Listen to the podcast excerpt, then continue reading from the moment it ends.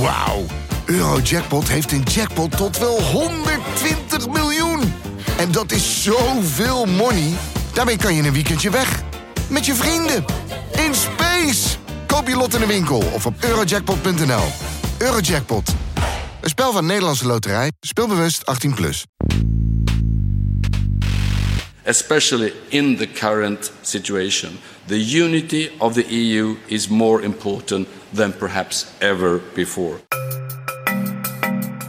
Dit is Betrouwbare Bronnen met Jaap Jansen.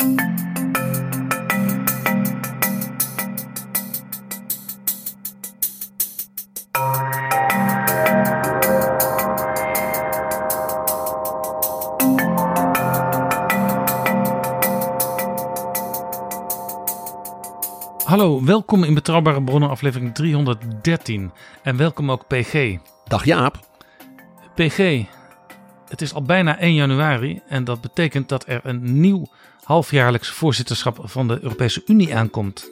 En het is eigenlijk ook zoals elk half jaar weer een fascinerend land waar heel veel politiek, cultuur, historie en natuurlijk actualiteit in Europa over te vertellen valt. En over dat land gaan we het vandaag hebben, ook vooral historisch. En dat land is Zweden. Zweden. Het land van ABBA. And we move now across into Sweden, the largest of the Scandinavian countries. And although we're looking at streets, it's a country full of mountains, lakes, and forests. And of course, it's full of blonde Vikings. And uh, this is one of the reasons why it's good for pictures. These are the ABBA group, born Frida, Anna, who's just beside her with the long blonde hair, and Benny. Uh, if you can work that out, that's why they're called ABBA, because in fact it's Benny born Annie Fried and Anna. They made their first record in 1972, and uh, if all the judges were men, which they're not, I'm sure this group would get a lot of votes. You'll see why in a minute. Their song is called, oh, and it's Napoleon. Napoleon, no wonder the song is called Waterloo. This is Sven Olaf Waldorf, who's really entered into the spirit of it all, dressed as Napoleon, waiting for Waterloo by ABBA for Sweden. Watch this one.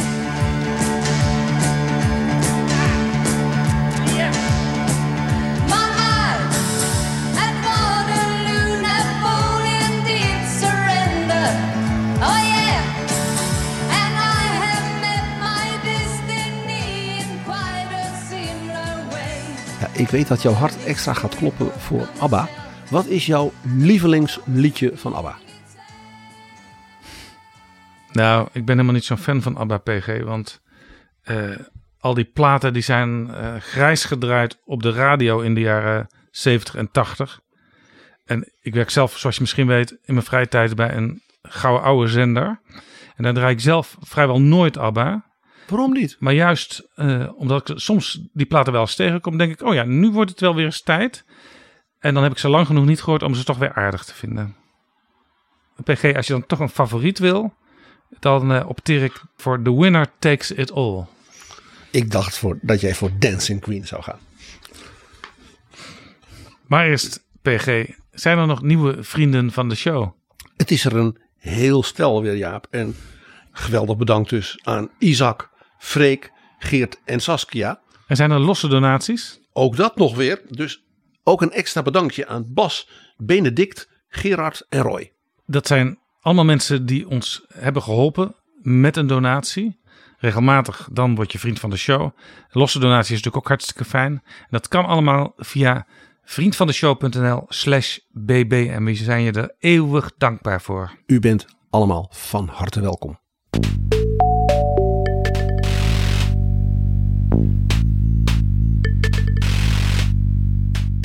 PG, even tussendoor. Als je nou straks klaar bent met betrouwbare bronnen luisteren, ga dan naar de podcast De Binnenkamer. Die wordt gemaakt door Harmen van der Veen en Laurens Boven. En dat is een podcast waarin hele persoonlijke gesprekken worden gehouden met politici.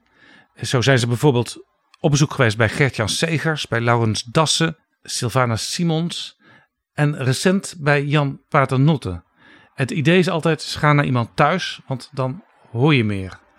Jan Paternotte die vertelde hun al over zijn ideeën om een eh, wet te maken om een partijverbod, als dat echt nodig is, makkelijker te maken. En dat stelde hij eigenlijk al voordat eh, dat in het openbaar kwam. Dus die podcast had echt een primeur daarmee. En Jan Paternotte kwam daartoe, onder andere, doordat politici echt eh, aan de lopende band bedreigd worden. Hij had een voorbeeld in die podcast eh, van zichzelf. Op Prinsjesdag stonden er bussen klaar om Kamerleden naar eh, de Tweede Kamer te vervoeren. Hij was wat later, want ja, hij staat natuurlijk vaak te praten achteraf met mensen. En interessant. Dus hij dacht, nou, ga gewoon lopen naar de Tweede Kamer, zoals ik heel vaak doe. En toen werd hij dus overvallen op straat door iemand die hem toeriep: Jouw tijd komt nog wel. Beetje een variant op er komen tribunalen.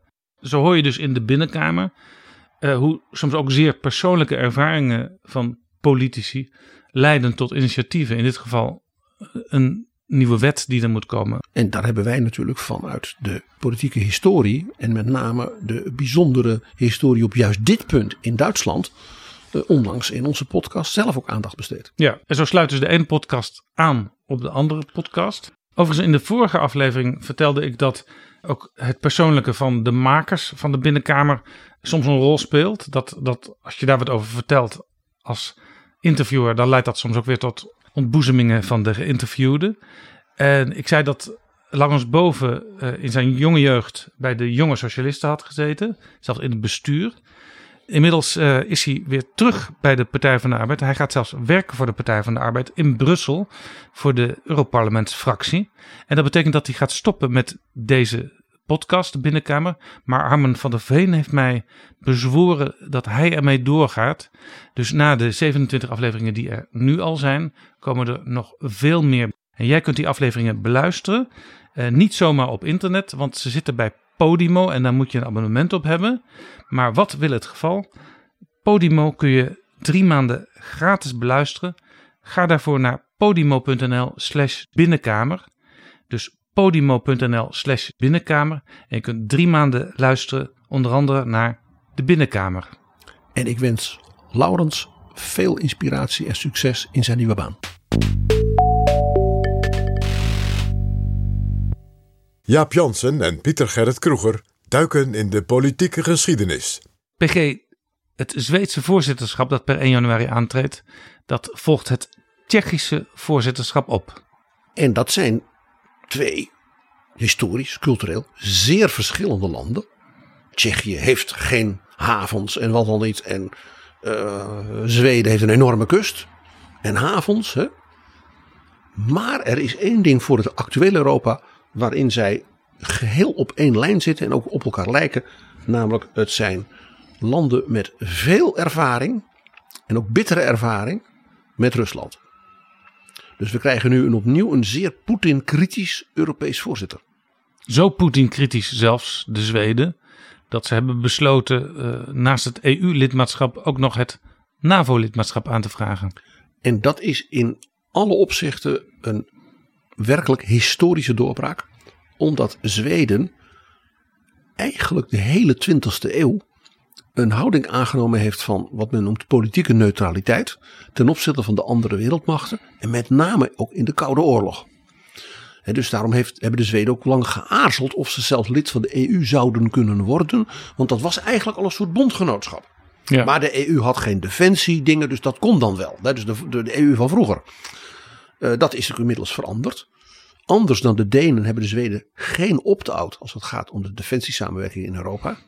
Ja, overigens heb je wel bij de Zweden af en toe gezien wat terughoudendheid als het ging om de ontwikkeling van het politieke Europa. Dus de steeds innigere politieke samenwerking.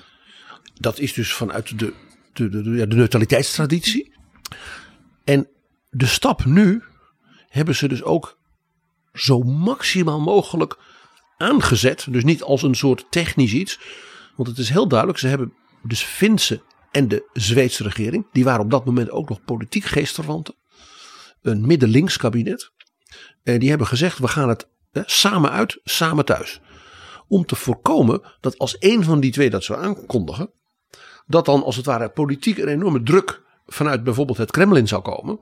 Uh, manipulaties en wat dan niet. Om de ander ervan te weerhouden. Dus een verdeel- en heerstrategie. Nou ja, dat is eigenlijk precies ook wat de premier van Zweden zei aan het begin van deze aflevering. nu misschien wel meer dan ooit moeten we als Europa eenheid uitstralen. We moeten elkaar niet loslaten. En dat gold dus ook voor deze aanvraag van het NAVO-lidmaatschap, samengedaan met de Finnen. Ja, en er is dus ook door de regering in Stockholm. Zijn er dus als het ware een soort peilingen gehouden. En ja, zij konden vaststellen dat er, net als in Finland. er sprake was van een complete omslag in de publieke opinie. ook in de maatschappelijke organisaties, de vakbonden. en ten gunste van het NAVO-lidmaatschap. Dat ging echt van zeg maar 30% voor naar 70 in enkele weken.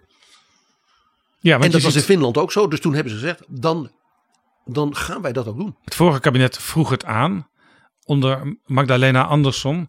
En het nieuwe kabinet onder leiding van Ulf Christensen eh, is er even enthousiast mee bezig met het NAVO-lidmaatschap. Ja, want met name de, eh, de partij van eh Christensen en de kleine Christendemocratische partij, de KD, die waren altijd al voor een NAVO-lidmaatschap op termijn.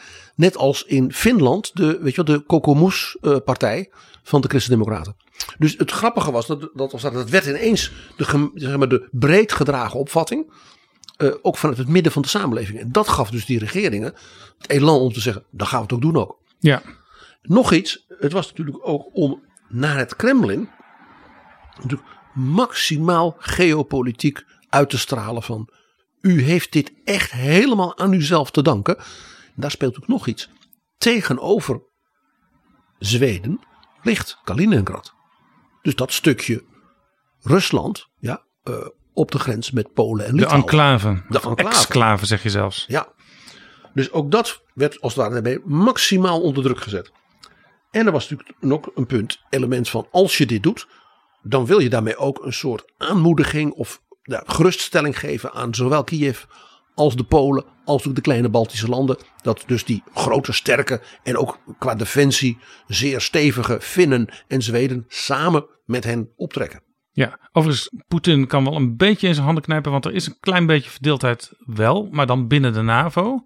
Want Turkije aarzelt met het goedkeuren van die aanvraag. Overigens ook Hongarije aarzelt. Maar Turkije zegt, ja, jullie eh, geven huis aan PKK-terroristen. En Zweden heeft er eentje uitgeleverd. En het antwoord daarop van Turkije is, dat was een goede start.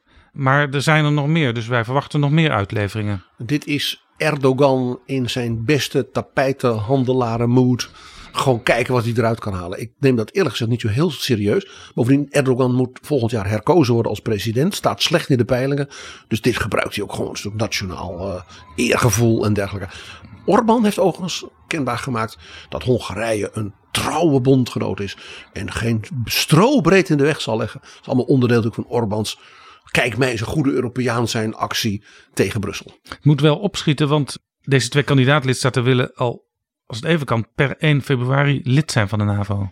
Ja, er wordt flinke druk op gezet. Nu is er nog een heel ja, historisch elementje. Het feit dat Zweden en Finland samen dat deden.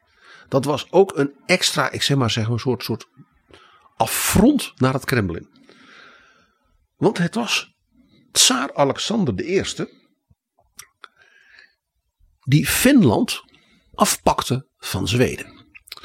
En dat was nadat hij hè, met zijn troepen tot in Parijs hè, Napoleon had verslagen. En een generaal van Napoleon was geadopteerd door de Zweedse koning als zijn opvolger. Dus Zweden was het pro-Frans. En als straf voor Zweden heeft de tsaar heel Finland, dus ongeveer de helft ja, van het territorium, van Zweden afgepakt. En Zweden was toen voorgoed geen superpower meer daar in het noorden. Dat was natuurlijk nu Rusland nog meer. Ja, want Zweden was ooit heel erg groot. Precies. En in de tijd dat Rusland nauwelijks meetelde in Europa. Eh, Dus dit, dat Zweden en Finland dus nu samen dit doen, is dus echt een draai om de oren. Ook van Poetin met zijn geschiedenisverhalen over, hoe, over het grootste Rusland van vroeger. Overigens, de, de Zweden moeten nog wel wat aanpoten als het gaat om de invulling van de eigen defensie. Eh, want je weet, eh, er wordt altijd geklaagd, en dat doen wij ook regelmatig in betrouwbare bronnen, over de Nederlandse defensieuitgaven. Er is ooit in NAVO-verband afgesproken dat eh, tenminste 2% van het bruto nationaal product aan defensie zou worden In 2024. besteed. Nederland zat, het laatste cijfer wat ik daarover had uit 2020 op 1,4% van het BNP. De Zweden op 1,2%. Eigenlijk al jaren hangt dat tegen die 1% aan. Dus daar moeten ze nog wel wat doen. Ik ga hier op iets heel ondeugends wijzen, Jaap. Ik denk dat de Amerikaanse president en het Pentagon helemaal niet zo klaagt over Zweden. Zweden heeft namelijk wel een enorme defensieindustrie. En die wordt hier niet in meegeteld. Dit zijn de uitgaven voor, ik zal maar zeggen, het leger en de vloot. Maar die enorme defensieindustrie is een van de machtigste zeg maar, inputs die Zweden nu in de NATO brengt. En overigens, Jaap, in het verhaal zal ik laten zien dat die defensieindustrie een traditie van Zweden is van eeuwen. Waarbij ook nog onze republiek een grote rol speelt. Dit is Betrouwbare Bronnen. PG, eigenlijk vlak voor de kust van Zweden heb je de Nord Stream pijplijn. En daar was onlangs sprake van sabotage. Er werd natuurlijk meteen gekeken naar de Russen, zou die erachter zitten. Daar zijn ook aanwijzingen voor. Maar je zag dus meteen dat een potentieel nieuw NAVO-lid geconfronteerd wordt met sabotage. Ja, en er is toen besloten binnen de NAVO. eh, dat hebben de geheime dienst van een aantal landen die er zeer bij betrokken waren. eh, gezamenlijk ja, zouden gaan nou ja, onderzoeken wat hier gebeurd is. En dat onderzoek was een paar weken gaande. En toen zei de Zweedse geheime dienst. eh, wij gaan op ons eentje daar wel mee door. Dus die waren blijkbaar al zeer ver. Eh, en dat ze geen zin hadden om de info's die ze hadden te delen met de Duitse geheime dienst. Oh, En de Duitse regering heeft er geen kwaad woord over gezegd. waarom wilden ze niet met de Duitsers samenwerken? Omdat de Zweden, die zeggen wij vertrouwen in dat opzicht gewoon de Duitsers niet. Die Schreuder is van Nord Stream. En ja, al zijn vrienden zitten er in die Duitse regering. Dat was een tamelijk bittere, vrij harde eh, conclusie. En het interessante is, je hebt er in de rest van Europa en in de, binnen de NAVO niemand over gehoord. Hoogst opmerkelijk. Geeft dus aan hoe alert en ook nuchter hè, eh, de Zweden zijn als het gaat om zeg maar, de greep van het Kremlin eh, ook nou ja, in Europa. Ze hebben geen enkele illusies op dat punt. En daarin zijn ze dus overeen met zowel de Finnen als de Tsjechen die ze nu opvolgen. Nou ja, dat zegt het wel. Eh, Zweden en Rusland is natuurlijk altijd iets eh, in het ijshockey en zo. Maar het is echt wel meer dan dat. Het is echt meer dan dat, die rivaliteit. Die gaat eeuwen en eeuwen terug. Die twee landen hebben eigenlijk ja, eeuwen met elkaar overhoop gelegen. Dat de tsaar hè, na Napoleon gewoon dacht: ik ga gewoon de helft van dat Zweden nog roof ik weg. Dat, ja, dat, zegt, dat zegt wel iets over hoe de, hoe dus de Russische tsaren over Zweden dachten. Maar als je dus naar de historie kijkt, dus een paar eeuwen geleden, eh, toen was er sprake van Zweden als supermacht. En eh, Rusland in sommige tijden ook. Ja, de Zweden hebben zeg maar in de tijd van de renaissance en de barok. Dat was bij het, het, het koningshuis Vasa. Van de crackers. Nou, dat heet dus naar de koninklijke familie. Ja. Nou, dat huis Vasa, dat leverde een hele serie. Nou, waar we het met Simon Sebag Montefiore over hebben gehad. Dat je zo'n serie enorme persoonlijkheden ineens hebt. He, zoals hij zei bij, eh, bij, bij Habsburg, de tantes, Karel V, Philips II. Die zegt van wonderbaarlijk hoe dan anderhalf eeuw. Dat hebben ze in Zweden dus ook gehad. Dus koning Gustav Vasa was de man die ja, in feite gewoon een soort imperium ging bouwen. Die heeft hele stukken van Noorwegen veroverd. Eh, Finland werd veroverd. Die hele kust van wat wij nu zouden Estland, Letland. Eh, op een bepaald moment, een van zijn navolgers, Gustav, Gustav Adolf, de, de grote soldatenkoning van Zweden, die veroverde Mecklenburg, Pommeren. Zeg maar, dus ook wat nu in Duitsland, in Polen eh, de kust is. Dus dat was in feite een soort Zweeds binnenmeer geworden, de Oostzee. Waarbij dus het kleine Denemarken, dat lang ook een soort rivaal was, werd weggespeeld. En Zweden was dus zowel in omvang, want dat is natuurlijk een reusachtig gebied waar je het over hebt, als door de welvaart. Denk aan de handel met met name de Republiek voor al die grondstoffen die zo van belang waren voor de scheepvaart van de Republiek. Denk maar aan het hout en dergelijke. Dat kwam allemaal uit dat Zweedse imperium. En natuurlijk heel veel graan. De grote graanhandel met Italië liep via de Republiek uit de Baltische Staten. Die Gustav Adolf, die dus allerlei stukken van landen om Zweden heen veroverde, die werd ook wel de leeuw van het noorden genoemd. Hij was ook de kampioen van het protestantisme. Dat was ook een soort propagandading van hem. Hij was de koning, hè, jonge koning, een geweldige militair. En die streed dus voor de Lutherse en de Calvinistische andere mogendheden in Europa. Dat was, hij was hun kampioen. Ja, hij was trouwens een bewonderaar van Maurits van Oranje. En Maurits van Oranje die had een, een, een heel ingenieus eh, systeem en dat heette de keermars. En dat systeem heeft hij bestudeerd en nog eh, geperfectioneerd. Zodat de Zweedse troepen drie keer zo snel konden schieten als hun tegenstanders. Ja, de prins Maurits, dus de zoon van Willem van Oranje, was ook de man die de Friedrich Wilhelm, de grote keurvorst van Brandenburg, dus een tijdgenoot ook van eh, Gustav Adolf, heeft opgeleid aan zijn hof. Die is ook getrouwd met een oranje prinses. Dus dat nieuwe Brandenburg-Pruisen na de Dertigjarige Oorlog werd dus geregeerd met een enorme scheut Nederlandse zeg maar, innovatie, technologie en militaire know-how. Maar dat gold dus ook voor de Zweden. Sowieso was dus de band met de Republiek was heel sterk. Want die was natuurlijk mercantiel. Hè, er was dus heel veel handel. De Republiek had af en toe wel eens conflicten met Denemarken gehad. Maar goed, Denemarken was een beetje eh, laat zeg maar, in de, in de Dallas eh, politiek en militair. Dus de Republiek had met de vriendschap commercieel en dus ook religieus met Zweden eigenlijk een geweldige bondgenoot. Daarin zijn allerbelangrijkste handelsgebied. Hè. Je weet, de, de handel met de Oostzee werd gewoon de moederlandvaart genoemd. Ja, en er werden zelfs een aantal mannen uit Holland burgemeester in Zweden. Dat kon natuurlijk ook omdat het protestanten waren. Dus dat, dat maakte dus die band politiek en strategisch eh, voor beide dus nuttig. Eh, daarbij waren er twee belangrijke elementen in die relatie die we misschien nu niet meer zo op het netvlies hebben. Ten eerste, Zweden had dus niet alleen maar eh, heel veel belangrijke dingen, hè, graan en hout voor de scheepvaart en voor, eh, voor dus de handel met graan op Zuid-Europa. Zweden was een soort monopolist bijna van het allerbeste ijzer dat in die tijd in Europa gevonden werd en gesmolten kon worden. En dat betekende dus, dus wie greep had op het Zweedse ijzer, die kon dus de allerbeste kanonnen en andere wapens maken die dus superieur waren aan al het andere. Ja, ook hier was trouwens weer een, een Amsterdammer bij betrokken. De koopman Louis de Geer, die hield zich met die mijnbouw bezig. Ja, dat was de grote exploitant. Wij- zouden dus nu zeggen dat was een, een, een, een, een, een, een superindustrieel in delfstoffen en grondstoffen. En dat ijzer, dat werd vervolgens door een andere Amsterdamse familie benut met de high-tech wapenindustrie. Dat was de familie Trip.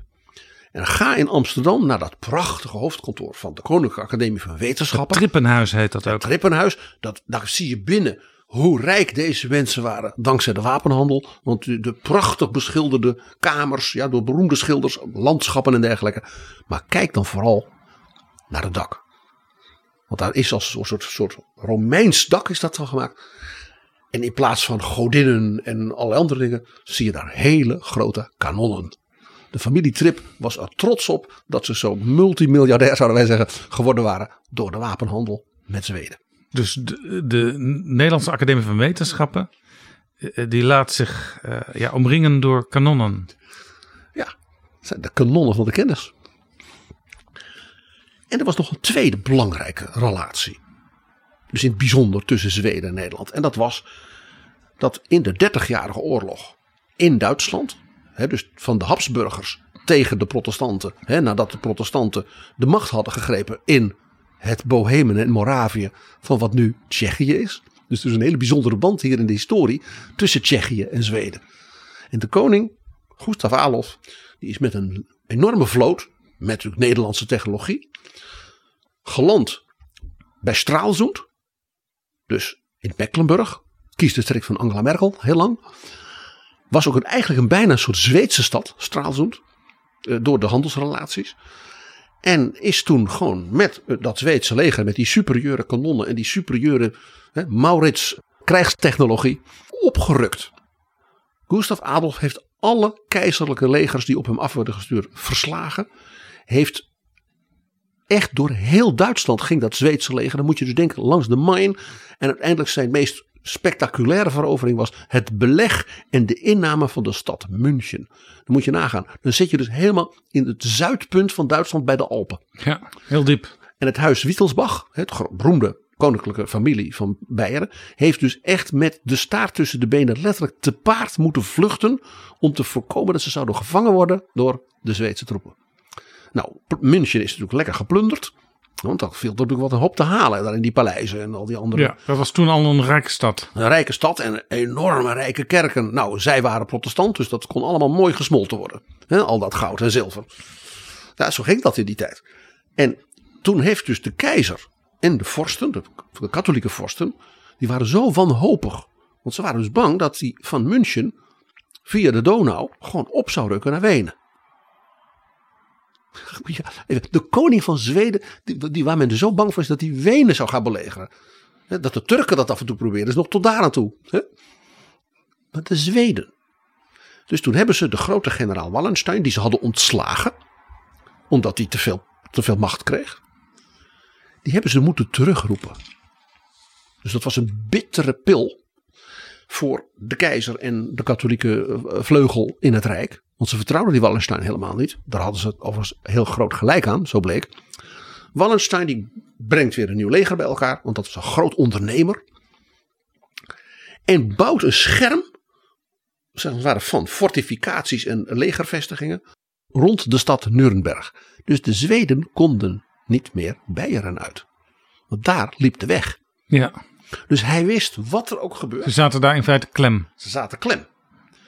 Je kunt zelfs rond Nuremberg nu nog in de heuvels eromheen resten zien van de fortificaties van Wallenstein, waarmee hij dus de Zweden langzaam begon in te snoeren. Nou, het Zweedse leger heeft zich toen via een ontsnappingsaanval, ja, met achterlating van ongeveer alles, zijn ze doorgebroken. En eh, ja, toen konden ze gelukkig weer eh, met hun bondgenoten elders in Europa eh, aan de slag. En die bondgenoten waren natuurlijk Frankrijk, anti-Habsburg, met oog op eh, Spanje. En de Republiek. Want de Republiek vond natuurlijk prachtig. Een protestante heerser met superieure technologie uit de Nederlanden. Ik hoef jou niet uit te leggen wie tot de grote financiers van die Zweedse veroveringstocht door Beieren hoorden. Dat waren de bankiers in Amsterdam. Natuurlijk. Dus met het geld en de know-how uit de Republiek kon Gustav Adolf ontsnappen. En draaide dus generaal Wallenstein zijn leger om. Hè, dat lag dus rond Nuremberg. Had hem dus daar, met had hem daar ingeklemd. Dus Wallenstein draait zijn leger om. En gaat achter de Zweedse troepen aan. En haalt ze in even buiten Leipzig. En daar is dan de grote veldslag, de slag bij Lutzen. En die eindigde in een remise. Maar één zeer moeilijk ding voor de Zweden. De ongelooflijk dappere, ja, bijna wel waaghalzerige koning Gustav Adolf sneuvelt in ongeveer het laatste uur van die veldslag. 1632. Toen was het dus gedaan met de koning. Ja. En hij had een opvolger. Dat was zijn jonge dochter Christina. Ja, zij was, dus, zij was dus nog maar zes jaar toen haar vader overleed. Maar gelukkig had hij nog iets anders. Hij had, ja, wat zeg maar. Ik zou zeggen, de Oldenbarneveld van het noorden. Dat was kanselier Oxenstierna. Die familie Oxenstierna leverde heel veel ministers en bestuurders. En die had ook die prinses min of meer opgevoed. terwijl haar vader oorlog voerde. Dus En- hij, hij nam in feite de macht over van de koning. Ja. Dat is overigens in de Zweedse geschiedenis vaker gebeurd. Dat zeg maar de, eh, de adel en ook mensen uit de steden. Dat die als het ware als de koning zwak was. Dat ze hem dan bijna een soort, nou ja, in naam koning. Maar dat feitelijk het land geregeerd werd door de adel en de burgerij. Ja, nou ja, in Nederland hebben we dat soort momenten ook gehad. Zeker. Nou, wat doet dus Oxenstierna? Die stuurt een brief aan generaal Wallenstein. En die zegt, moet u eens horen, onze koning is dood. Onze troepen eh, ja, heeft u net niet verslagen en wij u ook net niet. Ja, ik moet nu Zweden regeren voor dat prinsesje. Als wij nou eens een deal sluiten. En Wallenstein is dus in het geheim gaan onderhandelen met de Zweden.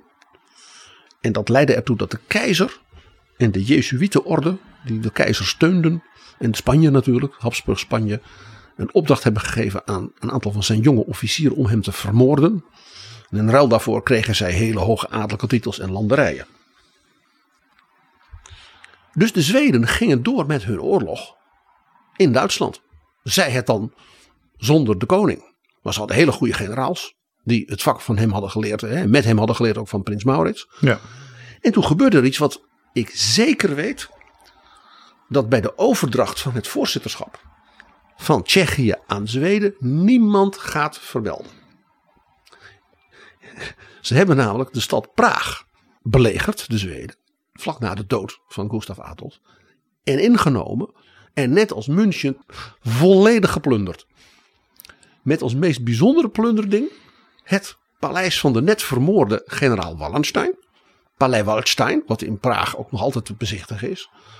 En dat was zeg maar het ultimum van de moderne kunst van toen. Dus hij had een heleboel schilderijen, maar vooral hij had een fabelachtige collectie manieristische barok, dus heel bewegelijke barokbeelden van brons, levensgroot, tientallen van dezelfde kunstenaar, de Nederlander Adriaan de Vries. Aha. En als je in Stockholm kijkt, in het Koninklijke Paleis, Dan, zie je daar die beelden staan. daar is dus een heleboel Adriaan de Vries nog altijd te vinden. Ja. Er- Zijn er niet al verzoeken gedaan om dat eh, terug te brengen? Wat je nu overal hoort in de wereld? Ik, ik denk dat de Tsjechische regering gewoon te beleefd is bij de overdracht. Om te zeggen van, kunnen we niet eens een beetje van die spullen terugkrijgen? Dus tussen Zweden en Praag, eh, ik zei het al, zit de nodige historische verbinding die misschien niet iedereen onmiddellijk op zijn netvlies heeft. Overigens, die Gustav Adolf waar je het over had, eh, PG, die had nog een relatie met Nederland. Hij had namelijk een maîtresse in Nederland, Grietje Slots. En daar heeft hij ook een zoon bij gekregen, Gustav Graaf van Wasaborg. En Wasaborg, denk even, dit was het koninklijk huis. Dus daarmee, door, die, door dat kind Gustav te noemen en dus hem die titel te geven, gaf dus de koning daarmee aan dat hij dat kind erkende. En dat hij die Grietje dus ook als zijn partner dus eerde. Dat was zeer bijzonder. Maar ja, hij kon dus niet opvolgen. Dat moest Christina doen. Nou, Christina, Jaap, ik weet niet hoeveel uren we nog hebben. Maar wacht even, eh, hij erkende die zoon dus bij die Grietje Slot. Maar hij was toch getrouwd met eh, Maria Eleonora van Brandenburg? Ja, dat was natuurlijk politiek heel begrijpelijk. Brandenburg, dat, hè, dat is dat grote stuk land. Ja, zij was de eh, dochter van de keurvorst. Ja, en hij had Pommeren. En Brandenburg had een ander stukje van Pommeren. Dus dit was zo'n huwelijk om tussen die twee protestante machten, die elkaars bondgenoten waren, de zaak zo te beklinken dat er geen ruzie en oorlog kon ontstaan. Nee, ho- hoogstens wat andere akkefietjes. Maar ja, zo'n grietje, ja. Een leuk grietje. Die Christina, ik zei al Jaap, hoeveel uur hebben we? Dat was een buitengewoon bijzonder mens. En werd dus opgevoed door Oxenstierna. En die had natuurlijk al heel snel door dat Christina zeg maar, het IQ, de power en dit van haar vader had. Eh, Koningin Christina van Zweden is eigenlijk het beste te vergelijken met Elisabeth van Engeland. Want ook zij is nooit getrouwd. Alleen zij heeft iets gedaan wat Elisabeth niet deed. Zij heeft op een bepaald moment tegen de Zweedse regering gezegd: Ik treed af. Want eh, ik heb mij verdiept in het geloof. En ik ben overtuigd katholiek geworden. Oh. En ik wil me laten dopen. En daarvoor ga ik naar Rome. Dat was natuurlijk een enorme schok. Maar men had zoveel respect voor haar. Gewoon voor wie zij was. Dat men zegt: Als dat uw diepe overtuiging is. Wij zijn brave Lutheranen in Zweden. Maar als dat uw diepe overtuiging is. Dan laten we u gaan. En ze heeft toen, zeg maar, met nou ja, haar inkomen als koningin. Dus ze, hebben er dus ook gewoon geld meegegeven. Heeft ze door heel Europa gereisd. En natuurlijk bij alle katholieke vorsten werd ze natuurlijk als met feest gedruis natuurlijk binnengehaald. Toch een beetje merkwaardig. Eh, Dus een, een dochter van een koning. eh, Die de kampioen die de van de kerken in, protestanten was. eh, in, in Beieren liet leegoven. Ja. Maar het was dus een vrouw met een heel eigen, eh, ik zou maar zeggen, eh, denkwereld. Hele bijzondere mensen. Die vorsten van het huis Waza. En je hebt gehoord, we, we hebben het over München, we hebben het over het plunderen van Praag, we hebben het over een katholieke koningin in Rome en het woord Rusland valt niet. Nou, Want Rusland was in feite voor Zweden in die tijd geen factor van belang. Eh, Rusland was georiënteerd op in feite meer richting Azië. Natuurlijk waar de Gouden Horde zo eeuwenlang ja, Rusland had geregeerd. ja, dat is ook een beetje dat beeld van Roes, waar ook Oekraïne een hoofdrol in speelde. Ja, en natuurlijk Ivan de Verschrikkelijke, zoals hij werd genoemd. Ivan Grozny. Die was vooral bezig met het veroveren van de Turkse en islamitische delen van Rusland. En dan moet je denken rond de Kaspische Zee en dat hele gebied van de Wolga. Dat werd dus bewoond door allerlei ook islamitische stammen en volkeren. Overigens, dat, dat, dat, Ivan de Verschrikkelijke PG, dat is niet omdat hij verschrikkelijk was in de zin zoals wij dat tegenwoordig zien. Ja, het, het, Grozny betekent de afschrikwekkende. Iemand waar iedereen doodsbenauwd voor wordt en niet ten onrechte. Dat, zo, zo moet je het zien. Hij was overigens een volkomen verknipt. Zijn eigen zoon vermoord en wat al niet. Maar dat doen we een andere keer, Jaap. Over, over het Tsaren hè, kunnen we met aan de hand ook van Seaback Montefiore nog, nog tientallen edities van Betrouwbare Rollen doen. Dit veranderde die rol van Rusland toen daar een jonge tsaar kwam die dacht als die Zweden zoveel kunnen leren van de Hollanders en van prins Maurits, dan kan ik dat ook. En die kennen wij allemaal van het Tsaar Peterhuisje in Zaandam. Ja, Peter de Grote. Die ging zelf hands-on leren timmeren en schepen maken. Die dacht ik moet die Zweden op hun eigen troef verslaan. En hoe doe je dat? Via de republiek. Dus die ging Rusland moderniseren, ook politiek. Hè? Dus ineens mocht niemand meer een baard hebben.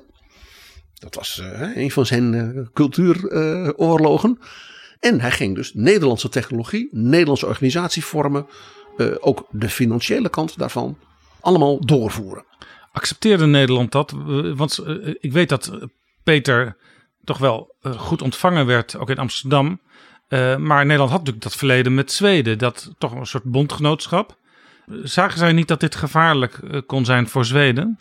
Nou, hier speelde nog iets. De handelsrelatie van de Republiek met het opkomende Rusland was zeer belangrijk. Ik heb zelfs als studentje mij enorm verdiept in het archief in Amsterdam. In de stukken over de handelsrelatie tussen Amsterdam en de stad Archangel. En dat was een enorme handelsrelatie. Omdat er heel veel ook grondstoffen uit Siberië via Archangel om de Noordkaap naar de Republiek kwamen. Dus de Nederlanden had dus gewoon meerdere partners zeg maar, rondom die Oostzee. Ja, was misschien een beetje vergelijkbaar, misschien te ver gezocht hoor, met hoe Nederland, hoe Europa met eh, China is omgegaan de laatste decennia. Eh, dan kunnen we handel drijven, we kunnen van elkaar leren. Veel Chinese studenten ook in Nederland. Eh, dus eh, ja, laat, laat die Peter maar naar Amsterdam en naar Zaandam komen. En dan wordt hij Europeeser en minder Aziatisch en minder. Ja, precies, dat was het idee. Nou, dat gebeurde dus ook. Want hij kreeg als tsaar een opponent uit Zweden, een jonge koning, Karel XII. En die, die zag het. Die zag, ja, die Peter en dat Rusland is zich aan het moderniseren. Ik moet Rusland verslagen hebben, onder de knie, voordat die Peter een succes is. Dus die koning Karel, dat was een mannetje zeg. Die heeft dus met het Zweedse leger, is hij gaan oprukken vanuit Livland, wat wij nu Letland noemen, via Belarus, Minsk en even zeg tussen Minsk en Moskou heeft dus een veldslag gevoerd. Waarbij hij het, het veel grotere Russische leger heeft verslagen. Door gewoon betere tactiek en hè, wat, Ja, hè, wat ze dus van de Nederlanden hadden geleerd. En toen dreigde hij dus Moskou in te nemen. Dus we hebben nu Zweedse legers in München gehad. Plunderingen van Praag, Nuremberg. De angst dat Wenen zou vallen. En nu Moskou. Ik zei al, dat Zweden, dat was echt een imperium. Maar he met his match in Peter de Grote. Die dan ook Peter de Grote in Rusland wordt genoemd. En die heeft hem in de veldslag bij Poltava in het jaar 1709. En Poltava, dat ligt waar nu Poetin strijdt met de mannen van Zelensky in Oekraïne. Zo diep was dat Zweedse leger doorgedrongen. op twee derde van Kiev richting Ja, Kharkiv. ja. Dus dat was PG, was een enorme nederlaag. Een soort Waterloo, maar dan op een ander moment en op een andere plek.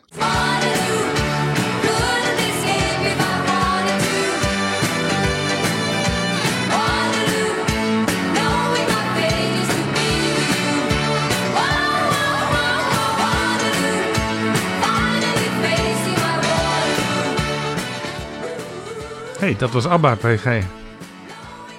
Ja, die hebben daar blijkbaar ook al over gezongen, ja. Nou, wat gebeurt er? De tsaar eh, dwingt de Zweedse generaals hun troepen zich te laten overgeven zelfs. Dus ze werden allemaal gevangen genomen. De koning was zwaar gewond. Maar sneuvelde niet zoals zijn voorvader Gustav Adolf bij Lutzen. Maar is met iets van duizend getrouwelingen gevlucht onder die getrouwelingen die hem dus bleven steunen, waren niet alleen Zweden. Want dat leger van hem bestond uit Zweedse troepen, natuurlijk. Hè, met die toptechnologie uit, uit Holland. Maar ook Kalmukken, Oekraïense stammen. Die allemaal meevochten tegen de tsaar. Sommige dingen in de geschiedenis verbazen weer door hun continuïteit. Nou, Karel, ja, die zat daar dus in Oekraïne en moest vluchten. Met die paar kerels die hem nog trouw bleven. Dat heeft hij gedaan. En hij heeft als jaren als balling gewoond aan het hof van de sultan van de Osmanen. Dat is ook weer opmerkelijk. Zeker gezien eh, wat ik helemaal aan het begin van deze aflevering noemde.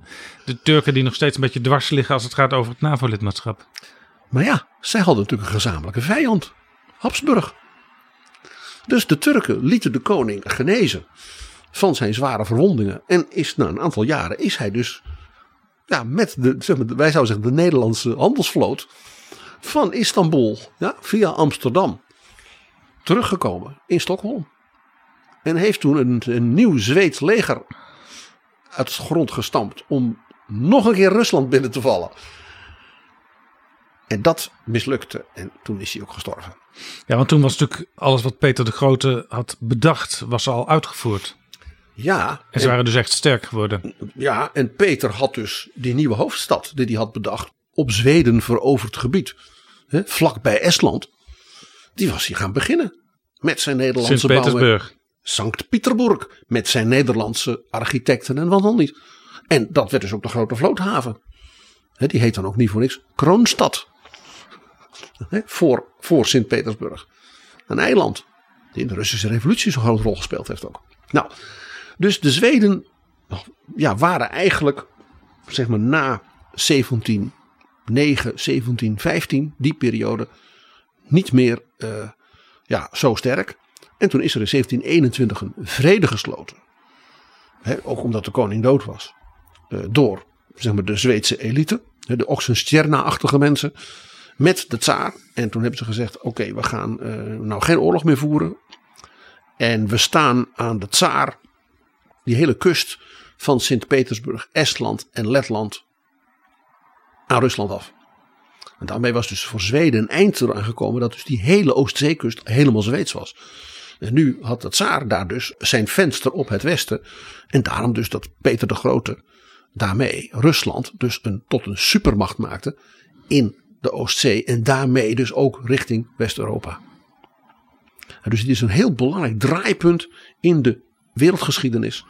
Eh, eh, waardoor Rusland voor het eerst echt op het wereldtoneel eh, een zelfstandige en dominante rol ging spelen. Die vervolgens ook door Potjomkin en Catharina de Grote in het zuiden. Hè, met de Krim, de Caucasus, Oekraïne. Nou, waar we het met Sibek Montefiore over hadden. En de verhouding met Zweden bleef altijd gespannen, ook daarna nog.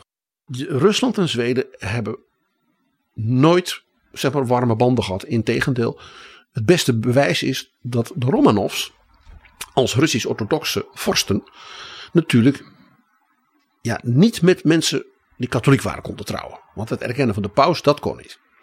Maar protestanten, dat kon. Moesten ze wel eh, Russisch-orthodox willen worden, zo'n prinses of... Hè? Ze zijn met alle mogelijke Europese vorstenhuizen getrouwd, inclusief de Oranjes. Eh, Het huis Holstein, Denemarken, Pruisen.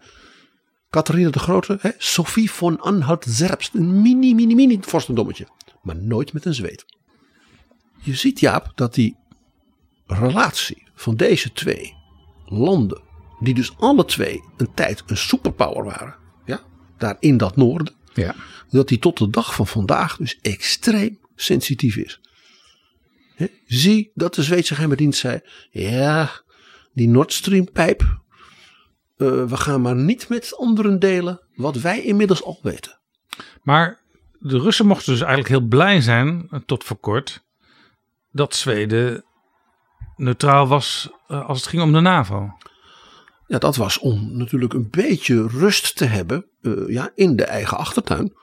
Tegelijkertijd was Zweden natuurlijk een, een, een militair, ook technologisch, natuurlijk een land eh, dat eh, heel erg voor zichzelf zorgde. Eigen vliegtuigen, hè, eigen militaire industrie, eigen nucleaire technologie. Iedereen weet dat Zweden natuurlijk stiekem over een atoombom beschikt. Atoombom. Jazeker. Tuurlijk.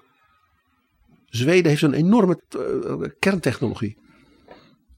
Maar in elk geval, PG, Zweden had dus ingeklemd tussen de Russen en de NAVO. Alle reden om zich af en toe ook wel een klein beetje under attack te voelen.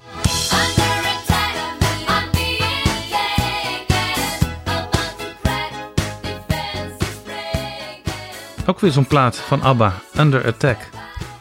Dit verhaal, Jaap, over die nucleaire capaciteit en de realiteit daarvan.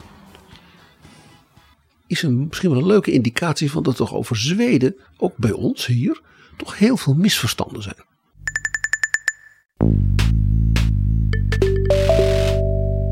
Dit is Betrouwbare Bronnen, een podcast met betrouwbare bronnen.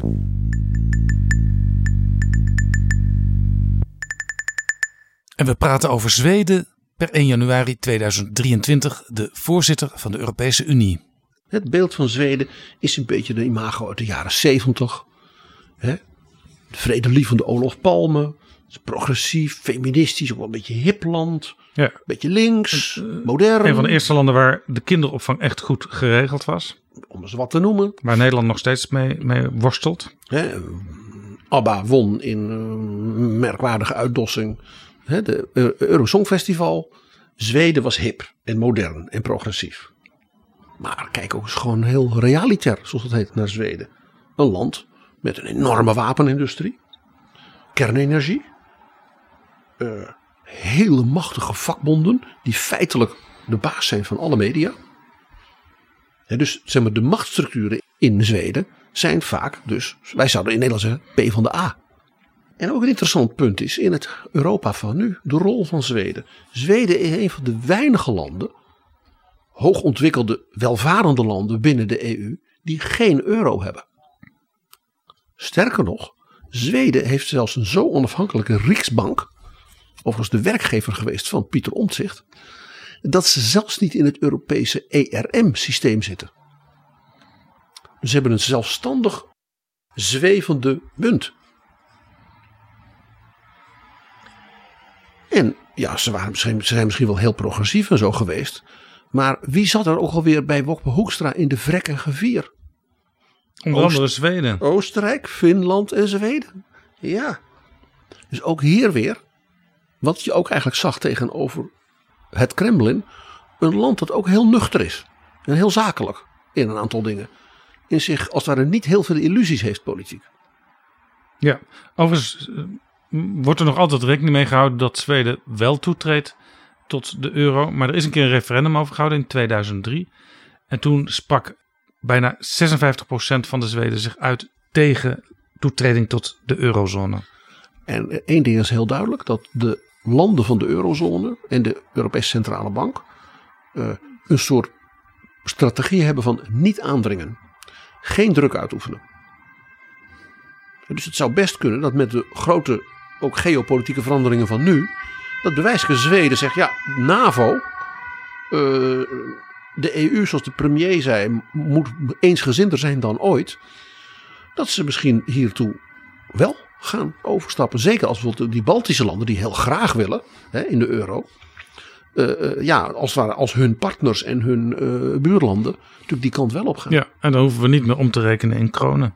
Ook nog een leuk dingetje. De rijkdom van Zweden is mede doordat Zweden, hè, ik zei al, het heeft een wat sociaal-democratische, ook politieke en economische structuur, heeft dus hele grote staatsbedrijven nog altijd.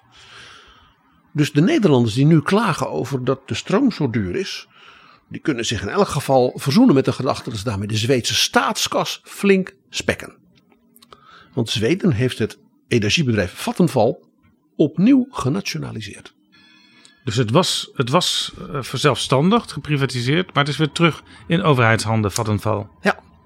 Dus wie in Nederland betaalt aan Vattenfall, betaalt dat aan de Zweedse regering.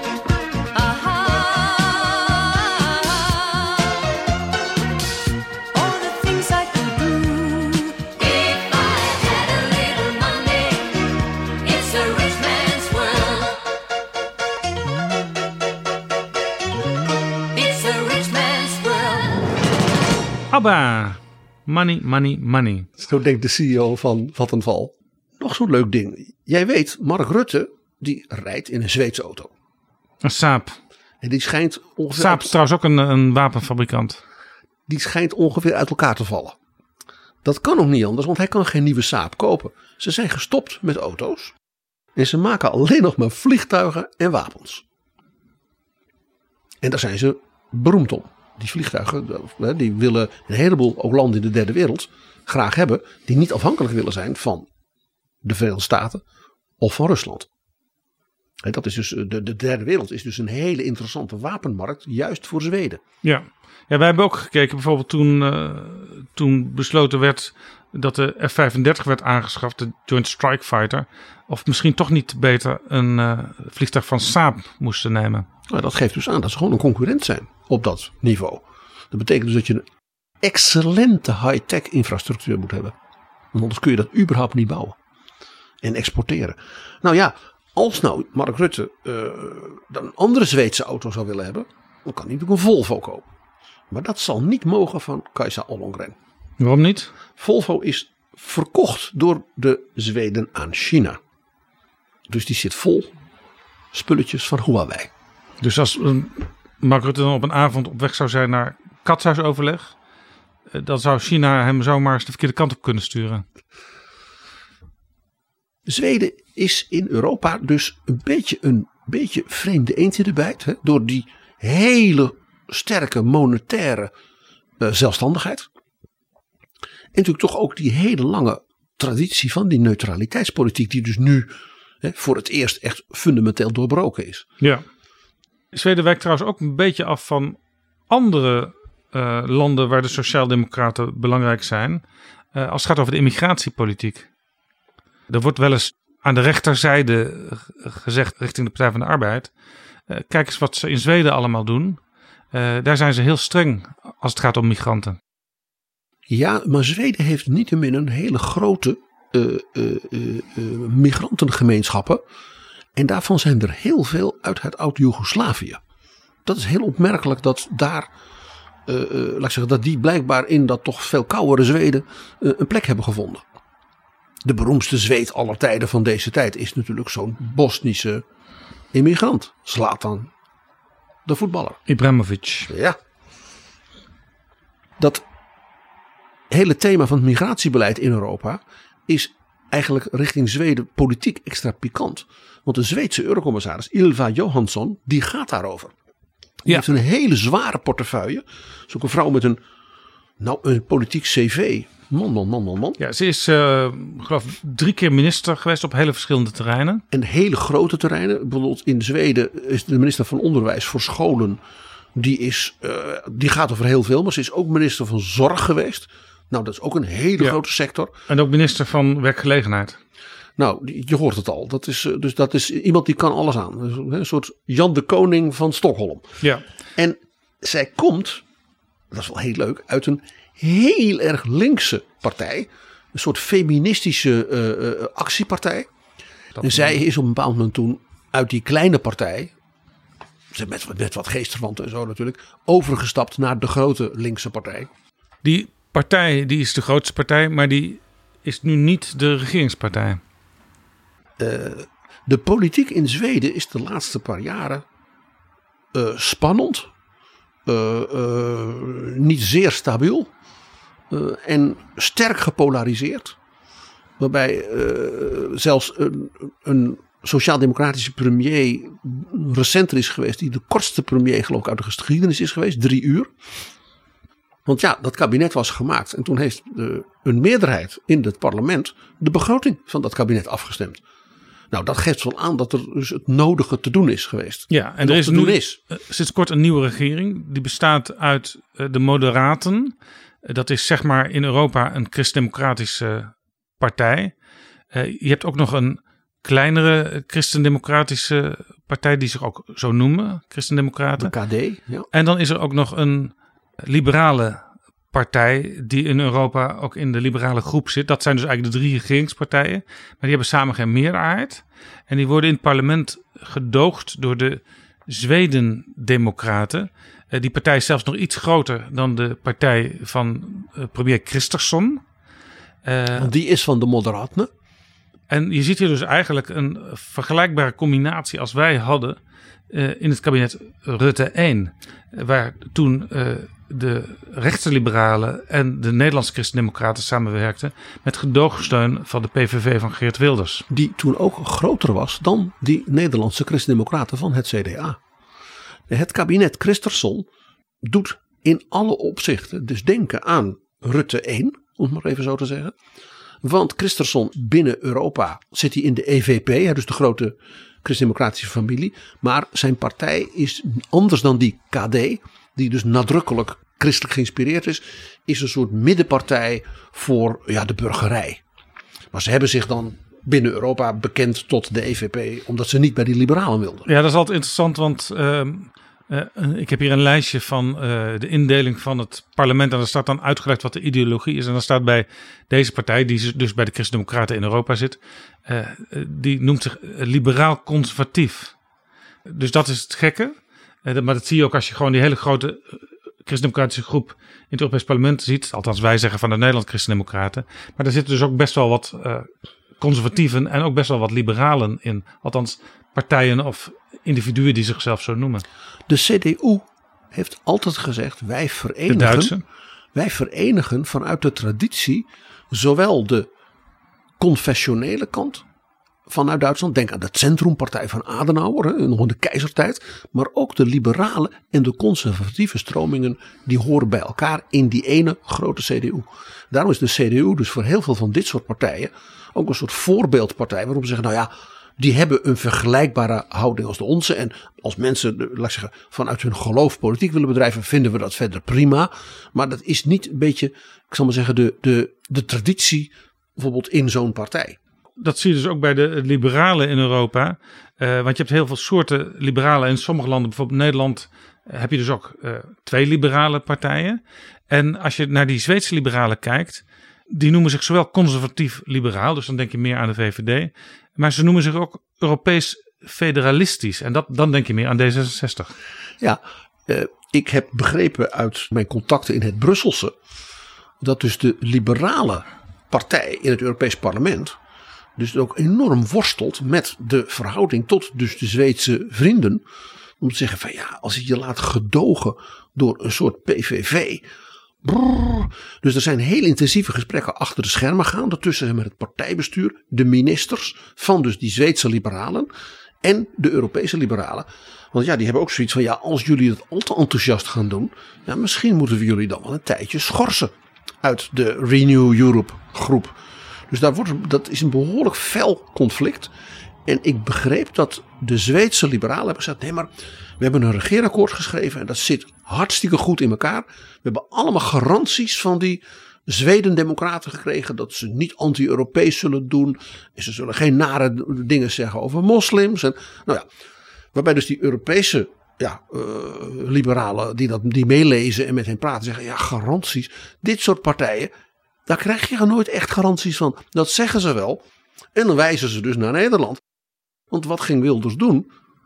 Die zei, ja, al dat Europese gedoe, daar ben ik al hartstikke tegen. Dus Rutte moest dan met de Partij van de Arbeid en met GroenLinks en met D66 een soort Europees beleid zien te voeren. En na anderhalf jaar spatte de zaak ook uit elkaar.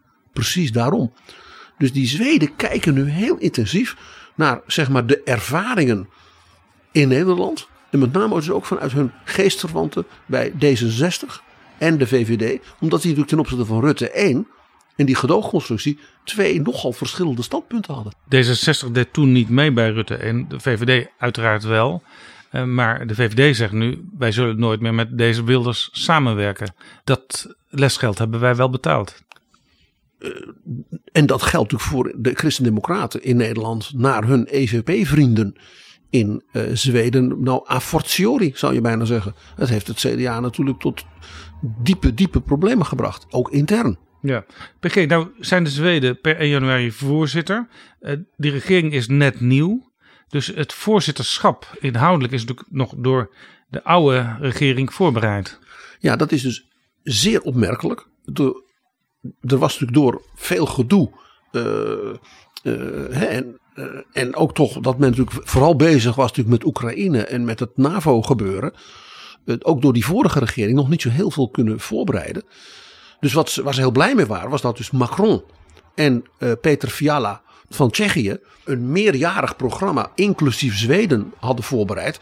En daar zei ze, ja, dat is prima, daar kunnen wij goed mee leven. En ja, toen kwamen er dus weer verkiezingen, waarbij dus die Sociaaldemocraten wel wonnen, maar toch in de oppositie terechtkwamen. Dat doet weer een beetje denken aan Nederland in 1977.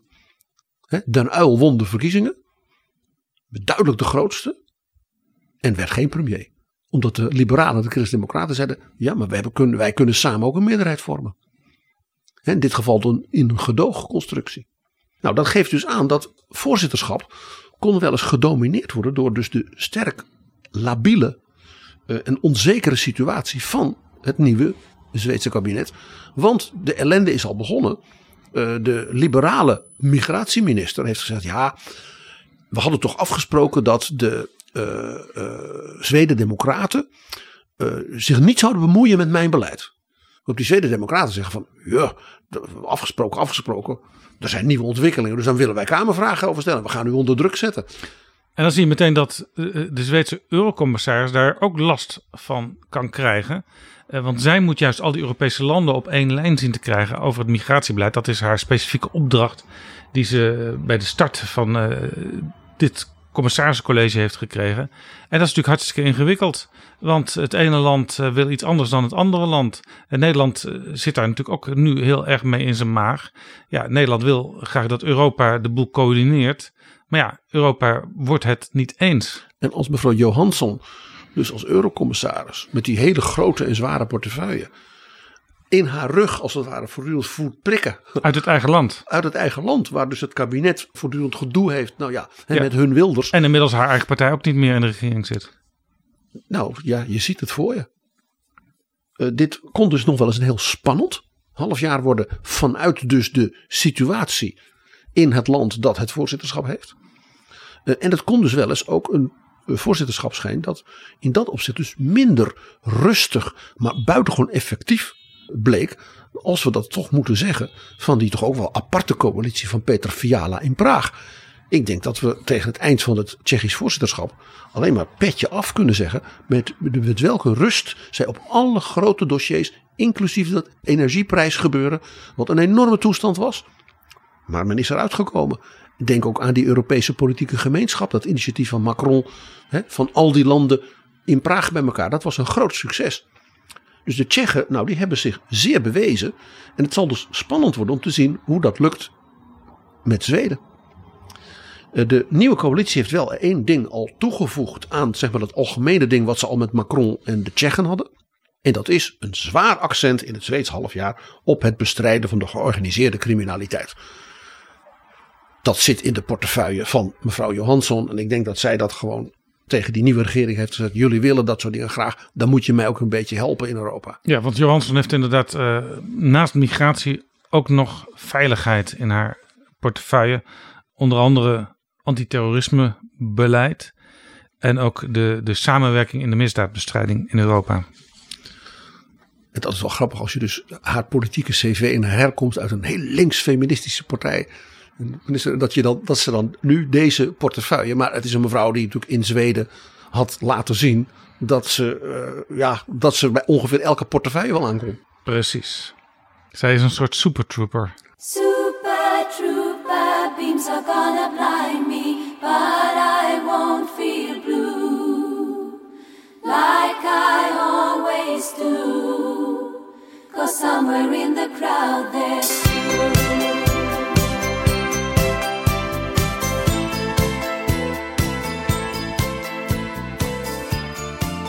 Alba komt goed aan zijn trekken in eh, deze aflevering. Jaap, Zweden is een land. Alba was natuurlijk toch een, een, een, een, een trailblazer hè, in de Europese muziek. Van een hele rijke cultuur. Zweden heeft iets, ja, heel veel eigenzinnigheid. Heel echt Zweedse dingen. Zweden heeft hele prachtige schilders eh, geleverd. Landschapsschilders. En natuurlijk hele beroemde architecten. Zweden is een echt een land van de architectuur.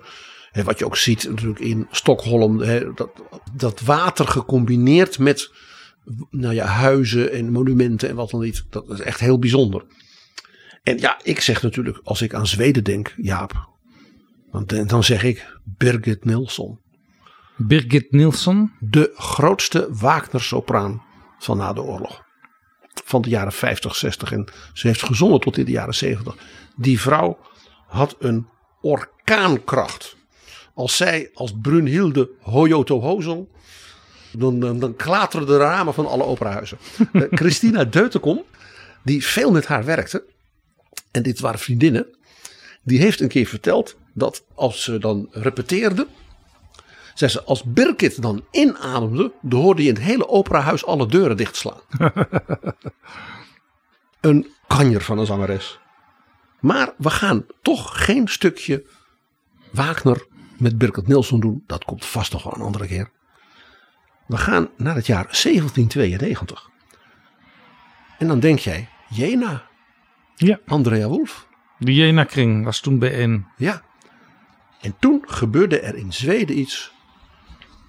Wat in heel Europa een enorme schok met zich meebracht. En daar is door Giuseppe Verdi een schitterende opera over geschreven. En die opera heet Un ballo in maschera. Een gemaskerd bal. Waar ging dat over? over de moord op koning Gustav van Zweden. Die is op een gemaskerd bal aan zijn hof vermoord. En dat is een zeer romantische opera van eh, Verdi. Zeer lyrisch, schitterende aria's. En het gaat dus over deze koning die verliefd is op de vrouw van zijn premier. En ze heeft zijn liefde ook beantwoord. Zij zijn minnaars. Maar in het geheim, en ze hebben alle twee heel veel schuldgevoelens, dus dat is mooi voor Aria's, hè, dat begrijp je. En ze besluiten er nog één keer elkaar te ontmoeten. S'nachts. En de man, Renato heet hij, de premier, die is erachter gekomen dat er een complot wordt gesmeed tegen het leven van de koning.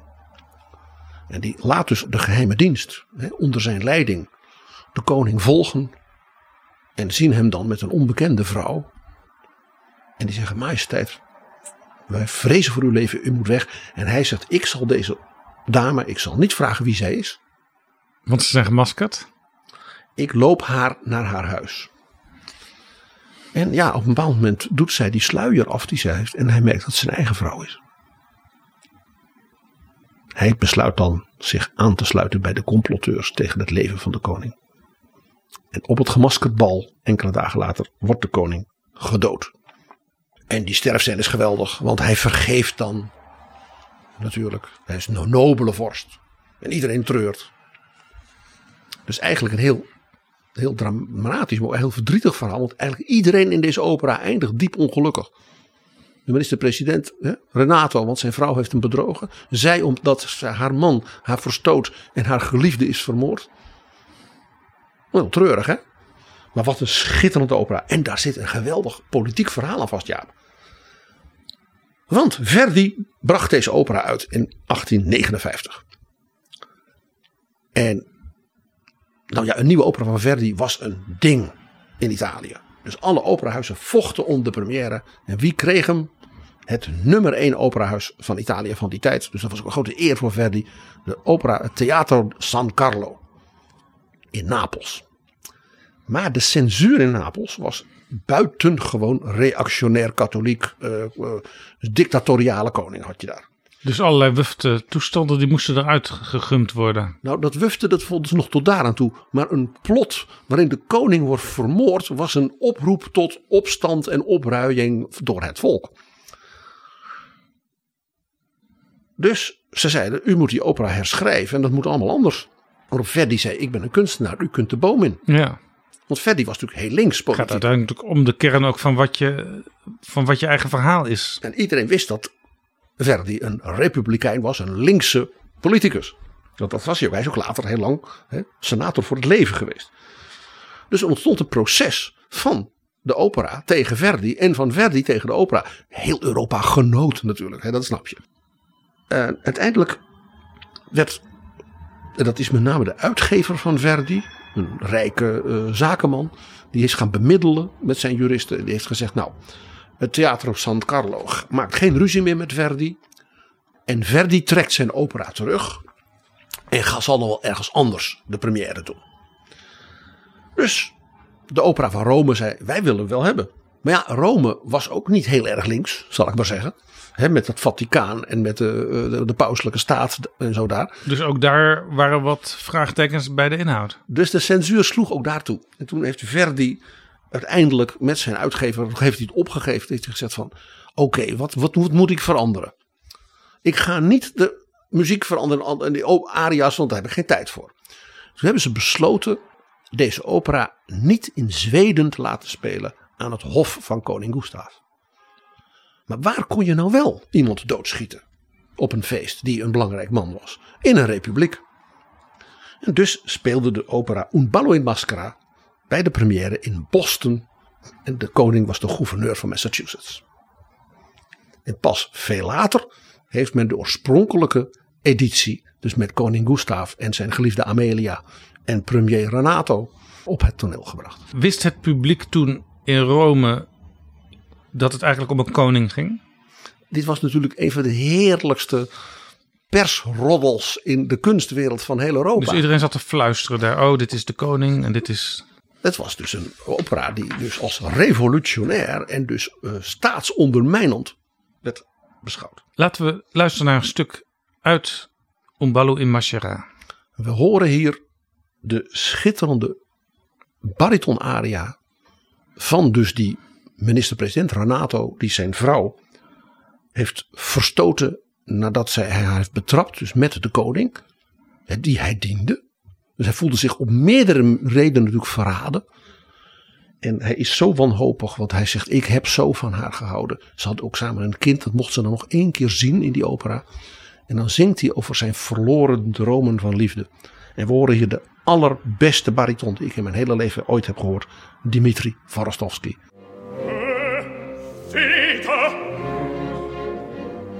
Siete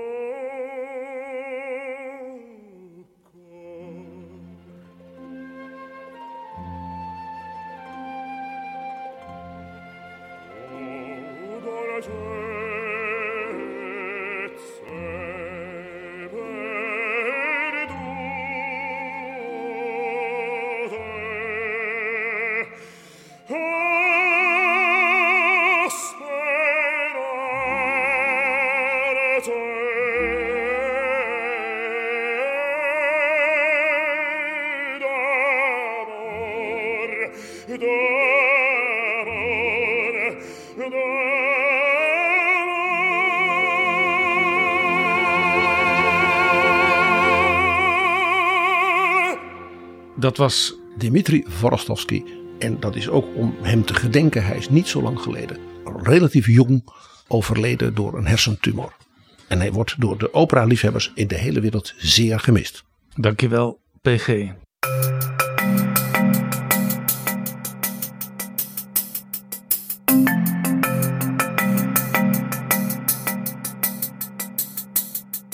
Zo, dit was Betrouwbare Bronnen, aflevering 313. Deze aflevering is mede mogelijk gemaakt door de Europese Unie. En natuurlijk door de vrienden van de show die ons steunen met een donatie. Wil jij ons ook steunen? Ga dan naar vriendvandeshow.nl slash bb. Tot volgende keer. Betrouwbare bronnen wordt gemaakt door Jaap Jansen in samenwerking met dag en nacht.nl.